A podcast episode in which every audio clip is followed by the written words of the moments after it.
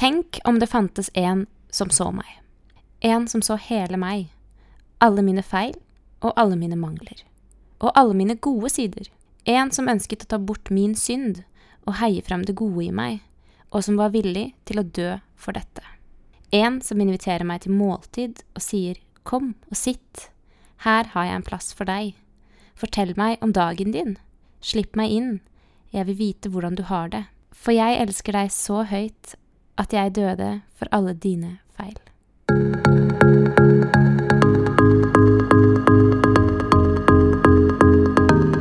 Velkommen til Hva er greia? En tro som bærer livet. Dette er en podkast som handler om tro og hvordan vi skal uttrykke troa vår. Og i dag så skal vi snakke om påskas egentlige betydning. Hvem Jesus var, og hva betyr det for oss i dag. Og før vi begynner å sette i gang med å, å grave lenger ned i historien og, og, se på alle de her spennende detaljene, så tenkte vi at vi må jo starte litt sånn som vi pleier, med hvem vi er, og, og litt sånn La dere bli litt bedre kjent med oss, da. Så dagens spørsmål til deg, Hanna, det er hva tror du sjøl at du handler mest i butikken? jeg er veldig glad i knekkebrød. Spiser mye knekkebrød. Det vet jo du, og det vet eh, resten av teologistudiet. Um, og mine go to knekkebrød, det er de der ferdigpåsmurte knekkebrødene til Vasa. Så jeg tror så cirka hver gang jeg er på butikken, at jeg kjøper en fire-fem pakker av det. Så jeg tror kanskje at det er det jeg kjøper mest av i løpet av et år på butikken. det er ja. sant, du har alltid en sånn med deg Hva skal ja. du? Så er jeg veldig glad i sjokolade og potetgull òg, så det går mye det òg. Men eh, tror nok det er knekkebrød det er aller mest av. Mm. Og du? Hva kjøper du mest i, på butikken? Åh, oh, vet du eh, når, vi, når, du stilte spørsmålet her i går, så jeg fikk nesten ikke tid til å svare på det sjøl, fordi hun venninna mi svarte på det for meg. Og hun sa Likatin, du kjøper alltid tyggis. Så det er vel kanskje helt riktig også, da. Nei, det går nok veldig mye i tyggis eh, til meg. Spesielt eh, ekstra. Og den der mørke blå som heter sånn peppermint eller noe sånn Nei, jeg vet ikke hva det heter, men den ekstra sterke. Den er den aller beste. Da har dere blitt litt bedre kjent med oss, og da tenker vi vi må jo bare dykke ned, for vi har så mye vi vil fortelle dere. Så derfor så har vi lyst til å starte med dagens bibelvers. Det står i Johannes 17, vers 3. Og dette er det evige livet, at de kjenner deg, den eneste sanne Gud og Jesus Kristus, han som du har utsendt. Det er et fint vers. Ja, det er det. Jeg føler vel egentlig at eh, vi har funnet et vers som oppsummerer hele episoden. For poenget med Jesu død på korset, poenget med hele påska, poenget med hvorfor Jesus kom, det er jo at eh, vi skal få bli kjent med, med Gud, og at vi skal få en del av det her evige livet da, sammen med Gud. Mm. Ja, jeg er veldig fornøyd med, med, dagens eh, bibelvers. Og det står jo i Jesus sin ypperste prestelige bønn. Så det er egentlig en del av en bønn. Men eh, ja, det oppsummerer, som du sier, hele påska. Jeg tror vi begge har kjent litt at denne episoden her, den har jobba litt i oss de siste dagene. Jeg har i hvert fall gleda meg skikkelig til å lage denne episoden her. Og så har jeg tenkt at det er enkelte ting jeg ønsker å få fram. For jeg ønsker et, et, en videre forståelse for påsken og en kanskje større takknemlighet overfor det som skjedde. Så hva betyr påske for deg, Lille Katrin? Jo, opp igjennom så har jeg tenkt ja, hva, hva trenger vi egentlig påska til? Fordi at eh, som kristen så tror jeg jo på påska hele året, på en måte. Men eh, i det siste så har jeg tenkt at egentlig så er det veldig fint å ha en sånn fastsatt tid i løpet av året der vi fokuserer ekstra mye da på det her påskebudskapet, eller budskapet om Jesus sin frelse, da. Og da tenker jeg spesielt på at han døde på korset, og at han har på en måte tatt alle eh, våre synder med seg ned grava og stått opp igjen, og vi, vi, kan få lov til å være fri i Han, da. Så det ikke alltid så lett å sette av tid til å lese Bibelen i påska, f.eks. Men jeg liker veldig godt tida før påskeferien, og før leir, og før jeg skal hjem på ferie og sånn. Da bruker jeg nok litt ekstra tid på å dykke ned da, i denne historien til Jesus. Enn du da, Hanna? Hva betyr påska for deg? Jeg tror at eh, jeg er litt sånn som deg, som gjerne vil sette av tid til å lese liksom, påskeevangeliet i påsken. Og så skjer det så mye annet, så det nedprioriteres litt. Men så har jeg kjent veldig på det at i meg så har det jobba en veldig sånn, som jeg sa litt innledningsvis i spørsmålet òg, en veldig sånn tanke om takknemlighet. At det er en som har betalt en pris, og den prisen den var ikke billig, den var veldig, veldig dyr. For meg og for deg og for eh, alle mennesker som har lyst til å ta imot han. Og det å faktisk sette seg ned og reflektere over det som skjer i påsken, og være takknemlig for det, det har blitt en sånn veldig viktig greie for meg. Og så er påsken Jeg tenker litt på det de siste dagene at det har egentlig blitt litt At jeg ser på det som en invitasjon til måltid. Eh, Jesus gjennom å dø på korset tar bort alt som skiller meg fra han. Og hva er det mest naturlige vi gjør? Jo, det er å sette oss ned til å spise og snakke med hverandre. Og så føler jeg at det er egentlig den invitasjonen jeg får gjennom påsken, da. Ja, men kom og sett deg sammen med meg. Jeg har en plass til deg, og jeg vil høre hvordan du har det. Så påsken, den betyr vel egentlig alt, for det er på en måte det som legger til rette for at du og jeg kan leve det liv vi lever i dag, og at vi får det løftet da, om eh, et evig liv. Så fint. Når vi nå skal dykke inn i påskefortellinga, så tenkte vi at det var litt greit å ha litt bakgrunnsinformasjon. Så derfor så har du, Hanna, dykka litt ned i offerkulten og mye av det som står i Det gamle testamentet. Så kan ikke du fortelle oss litt om bakgrunnen for påska? Når eh, vi tenker på påske, så tenker vi på det som skjedde med at Jesus døde på korset for oss. Men påsken har en mye lengre tradisjon og heter jo da originalt Pesak, og er en jødisk tradisjon. Og det er rett og slett til minne om at Gud førte sitt folk ut av Egypt. De hadde jo vært undertrykka i Egypt i over 400 år, og Gud han da, får da Moses til å føre dem ut og inn i det lovede land. Da får de beskjed om at de skal ta eh, lam som de skal spise, og så skal de stenke dette blodet fra lammet på døra si, sånn at Guds engel skal gå forbi når han kommer og skal drepe alt det førstefødte i Egypt. Sånn at altså, israelsfolket skal bli spart, og så skal de ut av Egypt, ut av landet. Dette er dette som er påsken for jødene. Dette forteller dem videre i slektssted at dette er en tradisjon som skal ivaretas. Så eh, far skal fortelle det til sønn, og sønn skal fortelle det videre til sine barn. Så det skal liksom ivaretas. Så legges veldig stor vekt på det. Fordi påsken er jo da et bilde på at Gud, han utfridde sitt folk. Og så tas jo dette enda videre da med Jesus, ikke sant? En virkelig utfrielse i Det nye testamentet. Så er det jo sånn at det er veldig mange ofringer. Forskjellige typer off, offer som, som jødene skulle gjøre. Og når de ofrer, så ofrer de ikke for å blidgjøre Gud, men de ofrer for å ta bort sin synd, slik at de kan være sammen med Gud. Og et av disse ofrene er f.eks. syndofre, og da skulle man sende ut en syndebukk i Altså et dyr, da, i ørkenen. Så da var det liksom denne syndebukken, den løp da ut i ødemarka og bar bort Israels synd. Og det skjedde én gang i året, og det var da øverste presten som hadde ansvar for at det skulle skje. Rett og slett fordi at man skulle gjøre opp for sine synder, sånn at man kunne leve sammen med Gud. Så dette var en tradisjon som man gjorde jevnlig. Og så gjorde man det også på personlig basis òg. Og det er jo altså når Jesus skal feire påske, eller Pesak, da, med sine disipler, at han rir inn i Jerusalem på det dette eselet på palmesøndag. Det er jo liksom når han skal inn og feire påske. Og så er det sånn at I evangeliene så kan vi lese om ulike profetier fra Det gamle testamentet som blir oppfylt gjennom denne historien, da, gitt om Jesus ganske mange hundre år før Jesus levde. Og da er det blant annet en som eh, er fra Jesaja 53, som blir bare kalt for den lidende tjener. Og der står det, men han ble såret for våre lovbrudd, knust for våre synder. Straffen lå på ham, og vi fikk fred. Ved hans sår ble vi helbredet. Vi gikk oss alle vill som sauer. Hver tok sin egen vei, men skylden som vi alle hadde, lot Herren ramme ham. Mm. Altså Det sier noe om Jesus sitt oppdrag. At han er på en måte, han er knust, og han, er, han har virkelig fått gjennomgått døden for vår skyld. da. Og så står det også i Zakaria 12,10, og det her blir trukket fram eh, når Jesus har dødd på korset. Så stikker de hull i sida på Jesus for å se om han er død, og da oppfyller de en profeti fra Zakaria 12,10.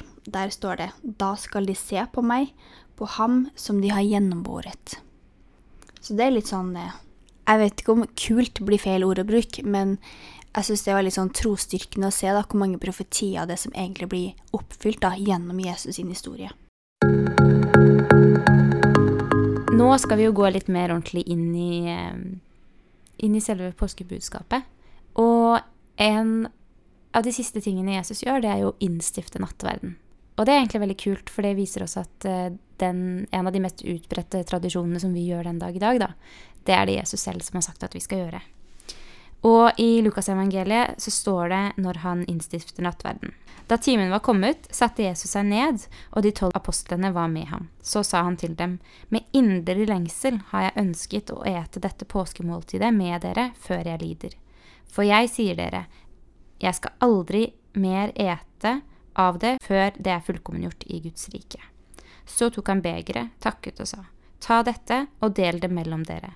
For jeg sier dere, jeg skal fra nå av aldri mer drikke av vintreets frukt før Guds rike kommer. Og han tok brødet, takket og brøt det og ga dem og sa, Dette er min kropp som blir gitt for dere, gjør dette til minne om meg. På samme måte tok han også begeret etter måltid og sa, Dette beger er den nye pakt i mitt blod som utgytes for dere. Så her ser vi altså at Jesus innstifter nattverden. Og en litt sånn viktig ting med nattverden altså For det første da, så beit jeg meg veldig merke i det at Jesus sier at med inderlig lengsel har jeg ønsket å ete dette måltidet sammen med dere. Altså Jesus han har lengtet etter å spise sammen med disiplene sine. Og han, Jesus vet jo hva som skal skje.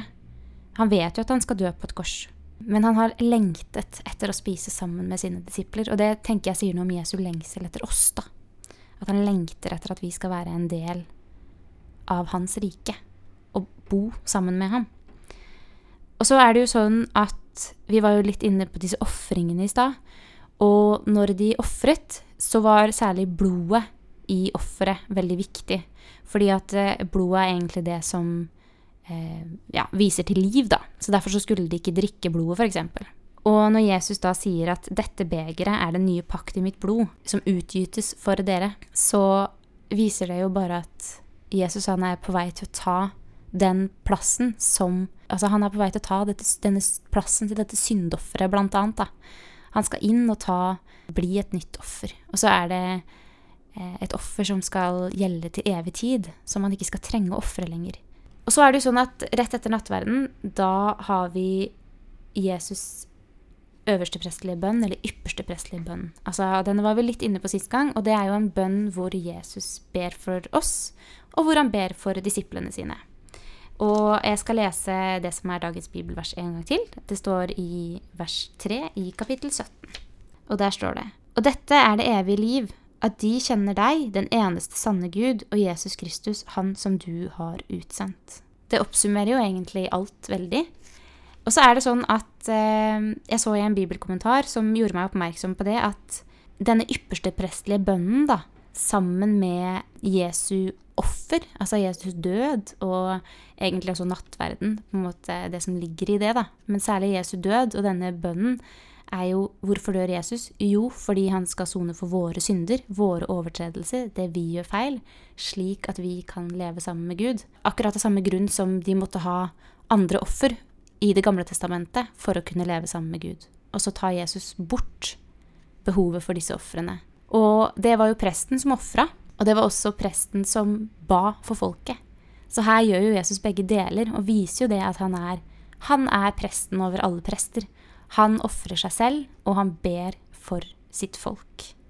Så er det også sånn at eh, i Jesus sin bønn så er han veldig på det at han har så omsorg for oss og for disiplene, og det står Mens jeg var sammen med dem i verden, bevarte jeg dem i ditt navn. Dem du ga meg, har jeg bevart, og ingen av dem gikk fortapt, bortsett fra fortapelsens sønn, for at Skriften skulle bli oppfylt. Ja, og fortapelsens sønn, det er jo Judas. Judas, han var jo tidenes største forræder. Det står at djevelen for inn i han, og at det gjorde at han gikk til øversteprestene og sa at han ville utlevere Jesus, da.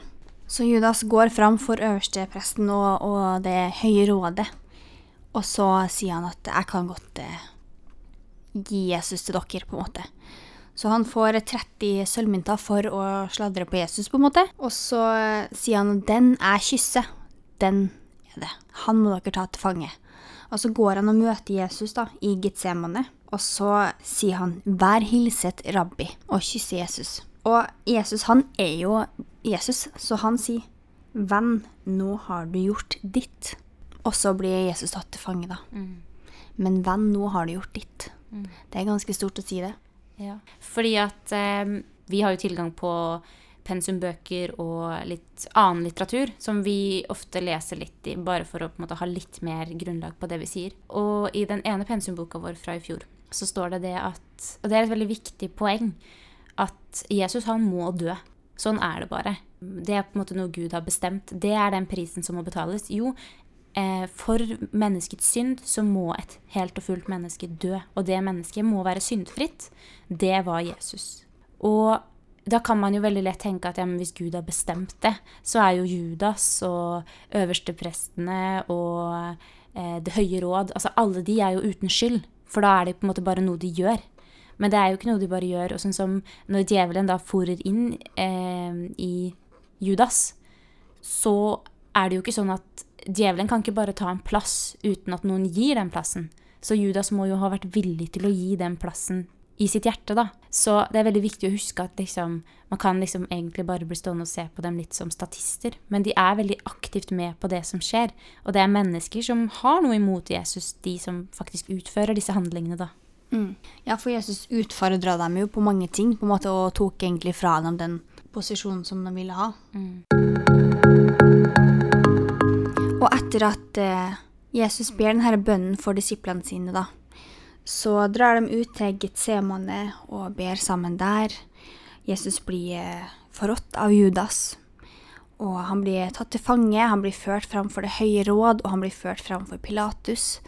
Og så finner jo ikke Pilatus noe skyld i Jesus, men allikevel så eh, blir han vel på mange måter egentlig pressa av jødene til å la Jesus bli piska, til å dømme han til døden. Og når Jesus da blir dømt til å piskes, så er det ganske grufullt. Når jeg var liten, så tror jeg ikke jeg forsto alvoret i det. Og piskeslagene, det var av noen pisker som besto av lær, og så hadde de biter av bein eller, eller metall helt på tuppen, sånn at det skulle gjøre mest mulig skade, da. Så Jesus er på randen til å dø egentlig av piskeslag, før han da blir ført videre opp til Golgata, hvor han da først egentlig må bære den bjelken til korset, sjøl på sine egne skuldre. Så får han etter hvert hjelp fra en som heter Simon fra Kyrene, til å bære det siste stykket opp til Golgata, og så blir han korsfesta. Og korsfestelse er jo den verste formen for tortur som noensinne har funtes. Og tradisjonen er enstemmig om at Jesus, eh, han, eh, hans hender og føtter ble spikra i korset. Og så står det også at han ble tilbudt eh, vin med myrra, som skulle være smertebedøvende. Men Jesus sa nei, det vil jeg ikke ha. For Jesus sto inn der, han ville oppleve hele smerten. Det hadde jeg nok aldri gjort sjøl, men han, han sa jeg skal kjenne alt. Og så møter Jesus røverne på korset, og kanskje du har hørt den historien, hvordan han ene spotter Jesus, og den andre gir Jesus ære, og så er det han som får lov til å være med Jesus inn i paradis. Og Jesus eh, henger jo der noen timer, og til slutt så blir det veldig mørkt, og så står det at Jesus han roper ut 'det er fullbrakt'. Og så utånda han, eller oppga ånden, som det står noen steder. Og når Jesus gjør det, så revner forhenget i tempelet. Og det er et tegn på at eh, vi kan komme inn til Gud, og også at Gud kan komme ut til oss, da. For inni det aller helligste tempelet var det bare prestene som kunne gå inn én gang i året, for det var så hellig der, og Gud var også til stede. Men ingen andre kunne gå inn der.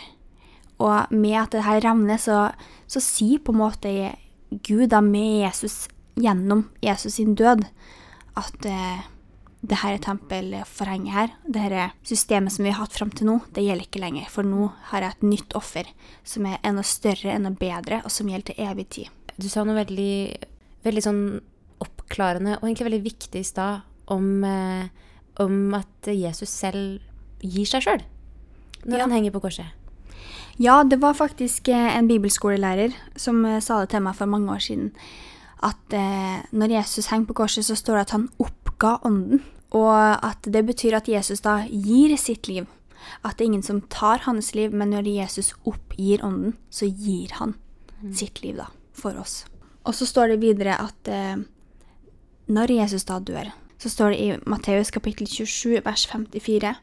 Men da offiseren og folkene hans, de som holdt vakt over Jesus, så jordskjelvet og det som hendte, for det var nemlig et jordskjelv og masse greier, ble de grepet av stor frykt og utbrøt. Sannelig, han var Guds sønn. Han var rettferdig. Mm. Ja, og et annet sted, nå husker jeg ikke hvilket evangelium det er, men det er litt forskjellig fra bibeloversettelse til bibeloversettelse, men, men jeg leste at uh, de sier bare 'sannelig, han var rettferdig'. Og rettferdighet er jo, ikke sant, det er det Gud det er det Gud vil ha. Han vil ha rettferdighet. Gud er en rettferdig Gud. Så det er ganske sterkt, det uttrykket der òg. Eh, selv om selvfølgelig 'sannelig, han er Guds sønn' er kanskje det sterkeste du kan uttrykke, men også den derre 'sannelig, han var rettferdig'. Mm. Altså, han var uten skyld. Han var uten lyte, da. Altså, disse ofrene som man skulle ofre til Gud i Det gamle testamentet, de måtte være uten lyte. Og det betydde at de var uten feil. Mm. For de skulle være feilfrie. Akkurat som Jesus han gjorde ikke noe feil. Han var det, han var det fullkomne offeret, da.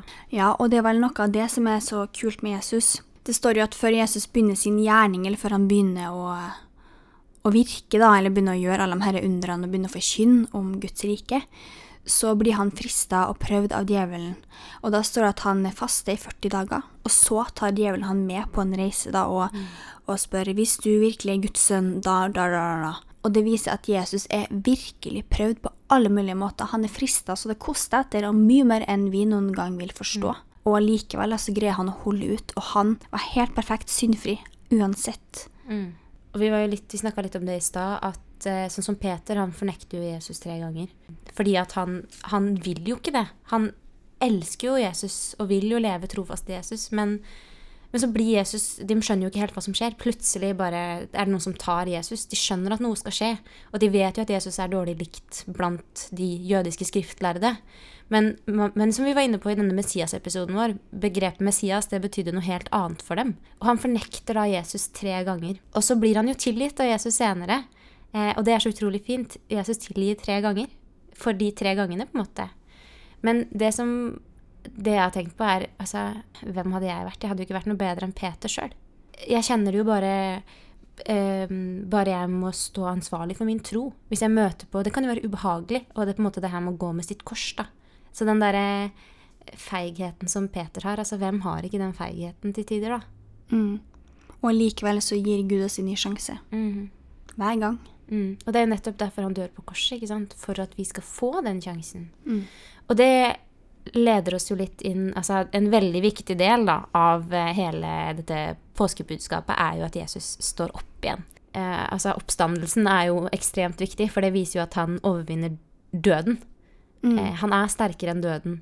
Og det er også noe han sier til Pilatus når Pilatus eh, sier at ja, men vet du ikke at jeg har makt til å gjøre deg fri? Eh, og så sier Jesus bare ja, men den makten har jo Altså, den makten er gitt deg fra oven. Og Jesus kommer jo fra oven. Mm. Så på en måte Jesus har makt til å overvinne døden, og han velger å overvinne døden. Han velger å gå den veien, da. Og så gjenoppstår han, og så er det masse spennende å ta tak i der. Men det er særlig den herre menneskelige Jesus, altså disse menneskelige sidene ved Jesus, som han viser oss, da, som, som i hvert fall jeg har kjent at har jobba veldig i meg. Den takknemligheten overfor det at han gjorde det han gjorde, da, og det kostet.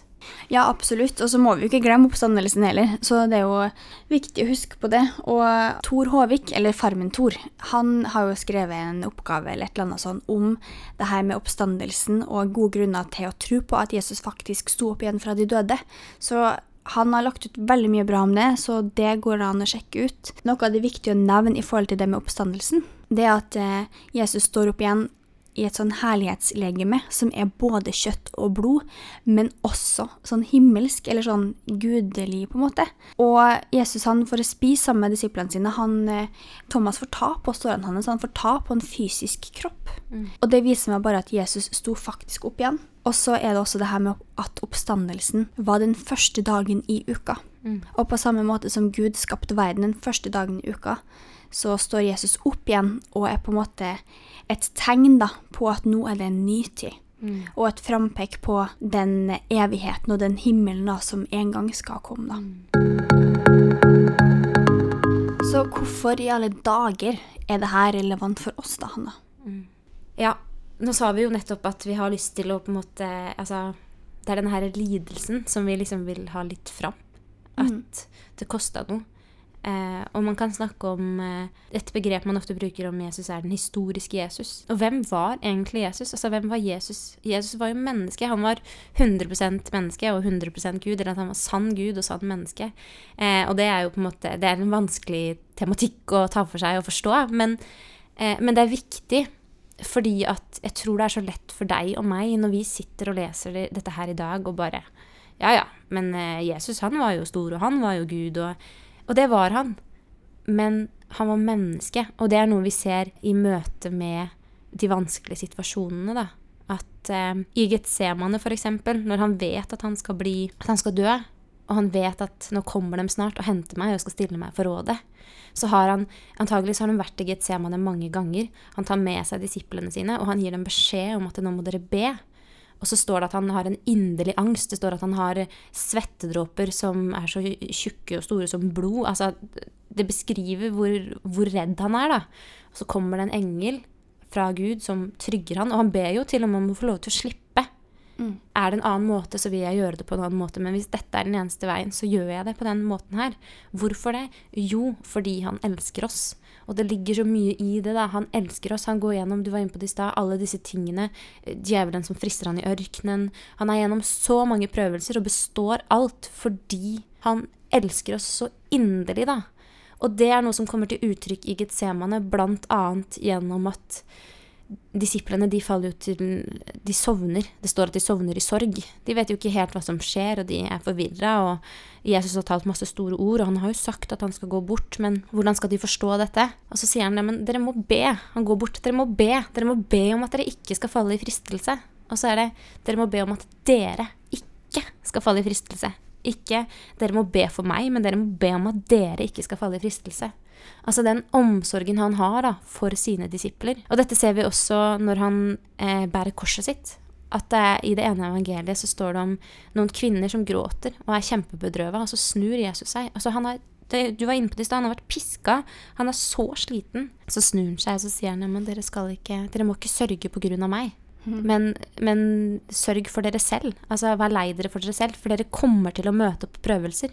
Altså Jesus sier jo det vil bli prøvelser. Men omsorg for de rundt seg. I sin vanskeligste situasjon, da. Og når han henger på korset, hva er det han sier? Jo, tilgi dem, far, de vet ikke hva de gjør. Altså Det er så mange ting som bare viser den kjærligheten Jesus har da, for oss. Og det blir så sterkt for meg, de her eh, Nå er jeg veldig glad i ord, og det har jeg merka at liksom, det å finne de her sterke orda og Jesus følelser i det hele, da. Det er så følelsesladd, og det er, det er ikke noe han gjør bare fordi at ja, dette skal jeg bare gjøre av plikt, men det er noe han gjør fordi han virkelig, virkelig, virkelig elsker oss, da. Og det er det som vi kanskje håper at denne episoden her er med på å hjelpe til å ta innover, da. Reflektere over det budskapet, over det, over det Jesus gjennomgår. Ja, og så er det jo det at han tar all vår skyld, da. At vi kan eh, stå foran Gud og ikke kjenne på skyld eller skam, og bare kjenne oss helt fri og bare vite at Gud elsker oss, og at han er villig til å gjøre hva som helst. Og så får vi lov til å leve i Guds nåde, da, fordi at Jesus er villig til å ofre alt han er, med all den kjærligheten og alt det som du forteller, at det er nok da, for oss til å være skyldfri og syndfri for Gud. Ja, og et viktig poeng med at Jesus dør, er jo nettopp at Jesus var menneske. Akkurat som oss, ikke sant? Samtidig som han er forskjellig fra oss, fordi han også er Gud. Men han var menneske, og han levde syndfritt. Som jeg sa i stad, som vi eh, sa innledningsvis så For meg er det veldig sånn Påsken, hva er det? Jo, Jesus han inviterer meg til fellesskap med seg. Han inviterer meg til bordet. Hanna, kom og sett deg ned sammen med meg. Jeg har lyst til å bli kjent med deg. Jeg har lyst til å høre hvordan din dag har vært. Du er tilgitt alt du har gjort som er feil. Og jeg elsker alt ved deg som er godt. Nei, Jeg er veldig enig i det du sier, at Jesus er interessert i oss, han vil ha kontakt med oss. Og det er vel noe av det jeg tenker på også i forhold til det med at eh, jeg vil si Jesus er relevant nettopp fordi at han har opplevd så mye smerte og så mye fristelser. da. Så kan du si at eh, når jeg opplever motstand eller prøvelser i livet mitt, så kan jeg jo tenke at å, men Gud, du er så fjern. Men Jesus har jo vært gjennom alle typer følelser, sånn som meg, som gjør at når jeg ber til Jesus, så vet jeg at han forstår meg. Og det gjør at når jeg da sitter med dette bordet sammen med Jesus, så kan jeg fortelle han om livet mitt, og så sier han ja, jeg føler en. Ikke sant? Litt den derre Han er faktisk vår venn, da, og han, han vet hva vi går gjennom. Ja, og så tror jeg også hvis vi skal sette det sånn i Sånn litt sånn Altså, det skjedde for 2000 år siden, men han døde for oss, da. Kjenner ikke mange som ville gjort det. Og det er jo en sånn kjærlighet som foreldre ofte har sine barn, ikke sant. At hvis noe sånt skulle skje, så løper man foran sjøl. Ikke sant? Og det er den kjærligheten Jesus har til oss, og som Gud har til oss. Og ja, det viser Jeg tenker bare hele dette her ja, Hele påskebudskapet viser at vi er skapt i Guds bilde. At vi er elsket, og at vi er verdifulle. At vi kan komme inn for Han og få lov til å hvile. Og så kan vi få lov til å være med på å gi det videre. Vi kan få lov til å gi eh, Få leve et godt liv, og vi kan få lov til å dele det fine livet som vi får lov til å leve med de vi har rundt oss. Vitne om fred, vitne om håp. Hvis vi skal oppsummere denne episoden her, så håper jeg at eh, dere som hører på, sitter igjen med at Jesus han har dødd for deg og for din synd. Han har betalt prisen for deg. Og Jesus han levde et liv som var fylt av fristelser og prøvelser, men han greide å leve syndfri. Og det er fordi at han er det her påskelammet som han har pratet om, at vi kan stå helt syndfri og rettferdig overfor Gud. Og Gud elsker deg så høyt at han var villig til å gjøre hva som helst for å være sammen med deg. Og det håper jeg dere sitter igjen med og tenker det vil jeg ta med meg inn i mitt liv. Og så kan det være at eh, det dukker opp spørsmål ikke sant, etter denne episoden her. Og da vil jeg bare utfordre dere til å ta kontakt med noen kristne dere kjenner. Eller send oss en melding på Instagram eller på Facebook, så skal vi svare så godt vi kan. Jesus er Guds sønn, og han er verdens eh, frelser. Og han er min og din frelser. Han er tilgjengelig for deg, og han vet hva du går gjennom. Nå har vi lyst til å avslutte denne episoden her med at han har lest det første som leste i starten. Tenk om det fantes en som så meg. En som så hele meg. Alle mine feil og mangler. Og alle mine gode sider. En som ønsket å ta bort min synd og heie frem det gode i meg. Og som var villig til å dø for dette. En som inviterer meg til måltid og sier kom og sitt, her har jeg plass for deg. Fortell meg om dagen din, slipp meg inn, jeg vil vite hvordan du har det, for jeg elsker deg så høyt at jeg døde for dine feil. Og det, det er Jesus. Så tusen takk for at dere hørte på dagens episode. Det har vært fint å tilbringe den tida her sammen med dere, og med deg, Hanna. Det har vært veldig fint å tilbringe tida med deg og lille Katrin. Ja, så håper jeg at vi høres neste gang. Ha det bra! Ha det!